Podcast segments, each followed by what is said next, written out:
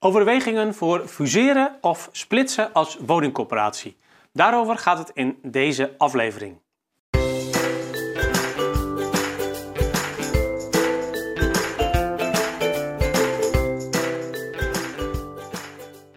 Ja, er vinden nog altijd uh, regelmatig fusies plaats binnen de coöperatiesector tussen coöperaties. Um, en aan de andere kant uh, zijn er ook coöperaties gesplitst. Hè. Vestia is daar natuurlijk een heel mooi voorbeeld van, waarbij een grote coöperatie is gesplitst in drie coöperaties met verschillende werkgebieden. Wat zou nou voor jouw coöperatie uh, interessant kunnen zijn? Hè? Zou dat ook voor jouw coöperatie nodig zijn om bijvoorbeeld te fuseren of om juist te splitsen? Um, wat is nu wijsheid?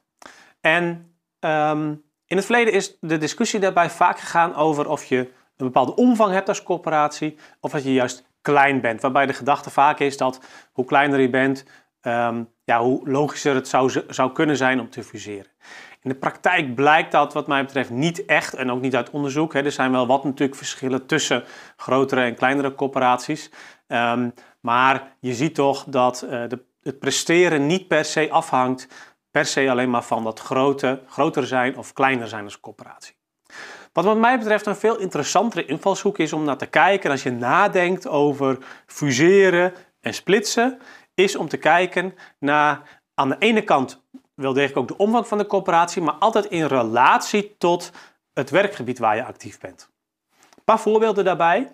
Uh, stel je bent een coöperatie van duizend woningen en je het bezit in een klein dorp met een hechte gemeenschap. Dan kun je daar natuurlijk een grote meerwaarde zijn als coöperatie.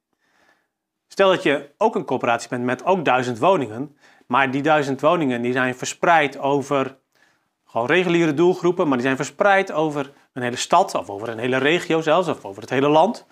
Um, ja, dan is die meerwaarde waarschijnlijk een stuk minder. En aan de andere kant, als je juist een hele grote corporatie bent, zeg 20, 30, 40.000 woningen, um, en je hebt die woningen in een aaneengesloten werkgebied, en dat is een werkgebied wat ja, logisch met elkaar samenhangt, waar verhuisbewegingen zijn, waar um, nou ja, ook bestuurlijk, ook tussen gemeenten bijvoorbeeld samenwerking is, uh, waar een regionale samenwerking is, waar uh, een, een, een, bijvoorbeeld één provincie uh, um, ja, het beleid maakt, um, ja, dan kan het handig zijn of dan kan het meerwaarde hebben om groot te zijn als coöperatie. Zeker als je daar echt voor grote en complexe problemen staat. Dan uh, stel dat je bijvoorbeeld heel veel aan herstructurering moet doen. Um, stel dat je bijvoorbeeld nog heel veel aan ingewikkelde verduurzaming moet doen, hè, bijvoorbeeld in oude binnensteden. Um, dan kan het interessant zijn om groot te zijn, zodat je ook voldoende massa hebt om heel specialistische kennis in huis te hebben en om ook ervaring op te doen die je dan vervolgens binnen je eigen werkgebied weer kan herhalen. dus dan is het logisch om, om groot te zijn. Stel dat je een coöperatie met diezelfde grote omvang hebt, maar die is juist verspreid over verschillende steden of verschillende regio's zelfs, die inhoudelijk gezien minder met elkaar te maken hebben, ja, dan is die meerwaarde een stuk minder. Natuurlijk kun je van elkaar leren, maar daarvoor hoef je niet per se één en dezelfde organisatie te zijn. Hè? Daarvoor hoef je niet hetzelfde KVK-nummer te hebben. Dus op die manier uh, kun je dus nadenken over of het logisch is of je um, als coöperatie ja, past bij je werkgebied. En als dat niet zo is, um, ja, dan zou je misschien wel ofwel moeten fuseren ofwel juist moeten splitsen. Nou, voordat je uh, meteen in de aanslag gaat om dat ook te gaan doen. Hè, dus, uh, dus het is sowieso denk ik interessant om daar voor jezelf over na te denken. Van, nou, past dat inderdaad? Um, maar sowieso zou ik zeggen, fuseren of splitsen, hè, überhaupt dit soort grote organisatieveranderingen, is wat mij betreft altijd nee tenzij. En wat bedoel ik daarmee? Daarmee bedoel ik dat je um, eigenlijk moet proberen om te voorkomen dat je heel veel energie hierin gaat steken, uh, terwijl het misschien eigenlijk niet helemaal um, opweegt uh, tegen de voordelen die je er vervolgens mogelijkerwijs uit zou halen. Je ziet bij veel fusies en met name fusies, uh, zie je toch dat aan de voorkant de voordelen worden overdreven en de nadelen worden onderschat. En um, je weet één ding zeker op het moment dat je gaat fuseren. De eerste paar jaar ben je vooral met jezelf bezig en zul je minder prestaties leveren. Um, en pas daarna komen dan eventueel, mogelijkerwijs, misschien de voordelen. Nou, dat is sowieso in deze tijd, waarin er een grote opgave is, niet per se een goed idee. Ehm, maar nog los daarvan uh, ja, is het sowieso maar de vraag of die voordelen ooit komen. Hè. Dus als je kansen ziet om samen te werken met andere corporaties, hartstikke goed. Gewoon doen, gewoon gaan samenwerken. En misschien kom je dan ooit wel organisch op het punt dat je na tien jaar zegt van goh, wij werken nu dusdanig samen. Misschien hebben we maar één directeur nodig in plaats van twee. Dat kan natuurlijk. Ehm, maar dan is het organisch zo gegroeid en vanuit de inhoud van de opgave die er is.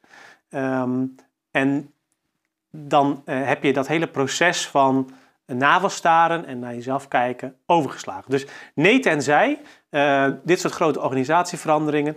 Eigenlijk uh, betekent het in de praktijk dat je alleen fuseert of alleen splitst als het echt niet anders kan, als het van extern wordt opgelegd bijvoorbeeld, of als je anders gewoon financieel de activiteiten van de organisatie niet meer kunt doorzetten. Um, en dat is bijvoorbeeld het geval als je als je stel dat je voor de keuze staat van ja, um, nu moet ik of een deel van mijn bezit uh, aan een belegger verkopen, of ik kan met een andere corporatie gaan fuseren, ja, dan, uh, uh, dan heb je wel een tenzij te pakken, wat mij betreft. Maar dat, dat is dus heel beperkt. en als je echt voordelen ziet, hè, dus als je met name vanuit voordelen, vanuit kansen redeneert, ja, ga dan gewoon samenwerken. En, um, um, en, en dat, dat kan natuurlijk ook um, en, en ook, hè, dus dat is met name bij fusie natuurlijk, maar ook als je bijvoorbeeld zou willen splitsen, uh, ja, dat kun je natuurlijk intern ook uh, op die manier regelen, zodat je niet uh, last van elkaar hebt, wel van elkaar blijft leren natuurlijk, maar dat je elke in je eigen werkgebied ook de keuzes maakt die op dat werkgebied relevant zijn. Nou, um, dat zijn wat overwegingen uh, over fuseren of splitsen. Sowieso interessant om erover na te denken. Past de organisatie bij het werkgebied?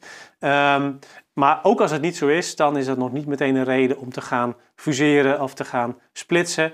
Uh, omdat dat ook vaak meer nadelen dan voordelen met zich meebrengt. Um, ik wens je heel veel succes mee met uh, die gedachtenvorming. Um, en om dan ook weer te kijken, hoe kan je het misschien ook anders oplossen dan met fusie of met, met splitsen. En eh, graag natuurlijk ook weer tot een volgende aflevering. Doei!